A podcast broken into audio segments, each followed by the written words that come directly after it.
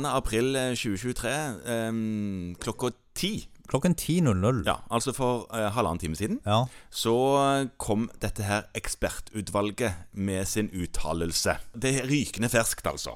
Ja. Så vi har ikke fått tid til å sette oss sånn eh, veldig grundig inn i eh, alt som står i denne her ganske eh, volumøse blekken. Ja, altså 375 sider kom jeg ikke gjennom før Nei. vi nå begynte. Men noe var vi bare nødt til å kommentere på allerede nå. Det er jo noen highlights, og de er i dagspressen. eh, og de tenker jeg at de, de kan vi jo kommentere på. Noe av det er vi jo litt positive til. Og så stiller vi oss eh, vel eh, interessert undrende. Ja, Ja. altså det, det åpenbart første Det er jo at det ser ut som om Iallfall så syns ekspertutvalget òg at det er en sånn passe tåpelig idé med en fraværsattester i den videregående skole. Ja, og så foreslår de at man bør åpne opp for eh, flere egenmeldingsdager. Altså at man kan være på eh, egenmelding i inntil 16 dager. Ja. Det tenker vi er positivt. Så er det en del andre ting som kanskje er litt vanskelig. Altså En ting til, og det er at de argumenterer for flere LIS1-plasser, altså utdanningsstillinger. ja, det er jo fint. Jo, det er jo fint. Det er sikkert uh, bra å slippe folk til. det tar jo da seks år før det begynner å hjelpe skikkelig, tenker jeg, men Det er sant. Ja. Og en annen ting er at eh, man må jo sørge for at det der er en tjeneste å være LIS1 til. Ja. Ja, Så stabilisere det som finnes, kanskje. ja. Mm. Så, så i første omgang så er det noen sånne ting, men det, det er noen ting som er bra der. Eh, men så kommer det noen andre highlights i dette sammendraget da, som vi har lest fort gjennom og prøvd å finne ut av. Og, og det ene er eh, som vi kan diskutere litt, det er da tanken om profesjonsnøytrale takster. Ja, altså at eh, man trenger ikke å være lege for å takste lenger, men det kan òg eh, f.eks. hjelpearbeiderne på kontoret gjør? Ja, eh, altså at eh, litt som i, i, i enkelte andre land, en konsultasjon det er en konsultasjon hvis det som på en måte har foregått der er rammen av konsultasjonen, og, og det holder at legen er ansvarlig og ikke bare være til stede. Og, og det er noe som kan hjelpe i noen situasjoner, altså dere kan se for deg noen systematiske kontroller. Samtidig så er det vel mange av oss som har tenkt at hvis dette brer for mye om seg, så mister man det dynamiske, langvarige lege-pasient-forholdet.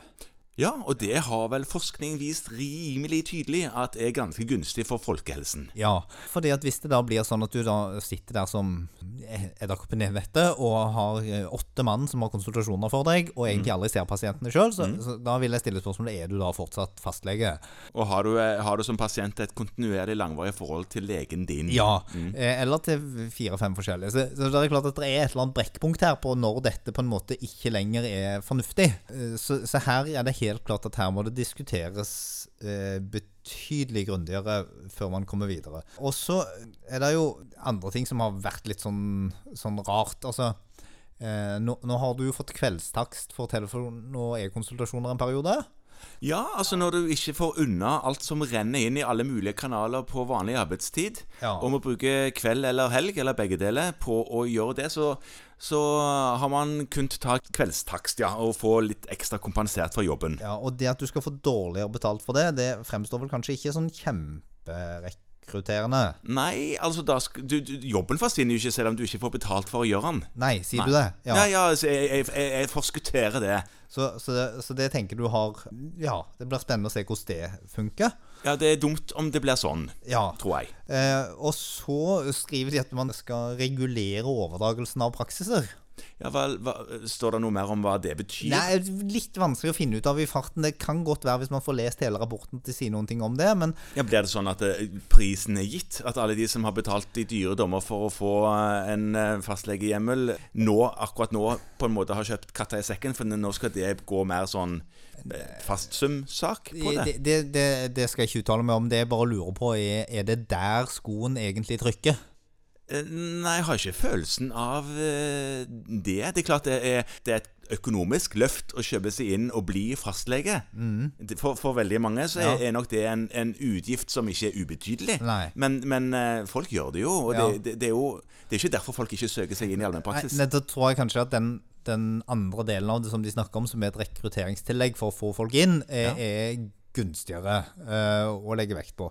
Eh, men i det opplegget der så, så begynner denne her komiteen eh, å drodle rundt noen ting som er fryktelig interessant. Og det, De sier noen ting om at, at det bør ses på muligheten for at kommunen kan inngå avtaler med, med firmaer. Ja, fastlegebedrifter. Ja. Mhm. Da er du midt inne i noe av det som vi var litt innom før. Altså, En fast lege er en fast lege, Ja. og de, du har ikke et fast firma.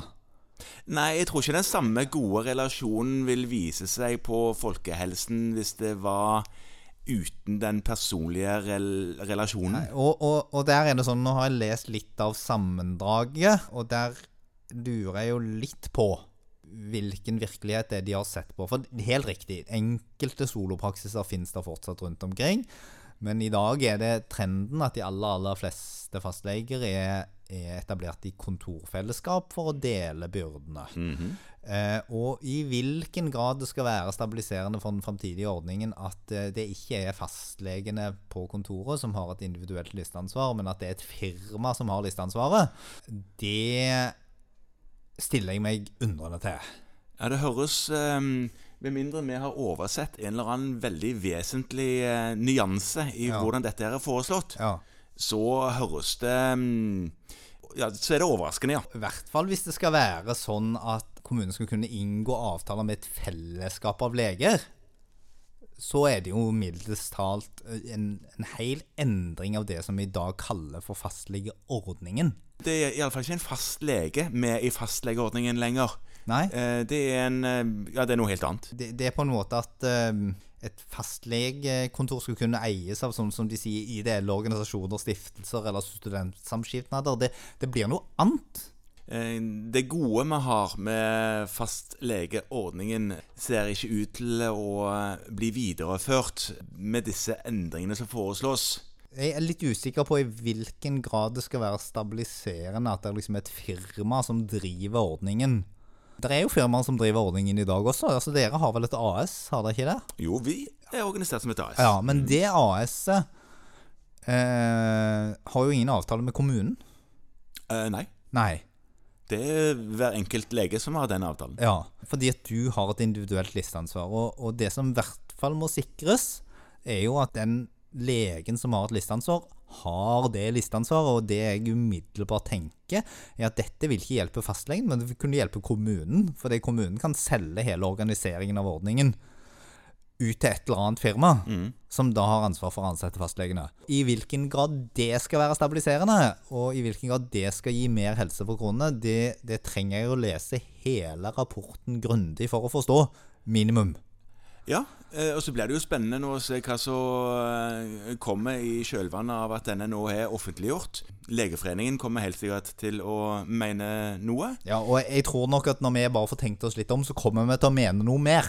Ja, Ja. det gjør vi helt sikkert, men ja. dette var mer bare en, en teaser og eh, hva skal jeg si, en, en, en obs obs på at eh, her er han faktisk ute, eh, hvis en har klart å unngå å få med seg det. Ja. Den har noen tendenser i seg som Vi snakket så vidt med rett før vi begynte å prate her nå, med eh, Jan Emil Kristoffersen. Ja.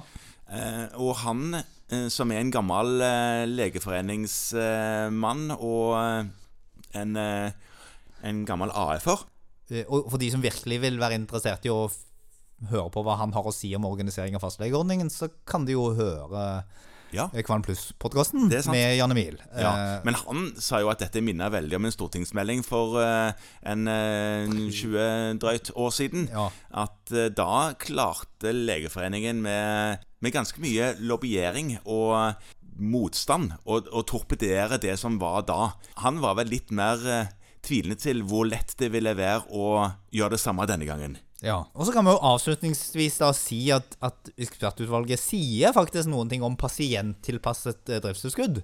Hvis mye av økonomien til fastlegene er basistilskuddet, så øker da behovet for å justere det etter demografi.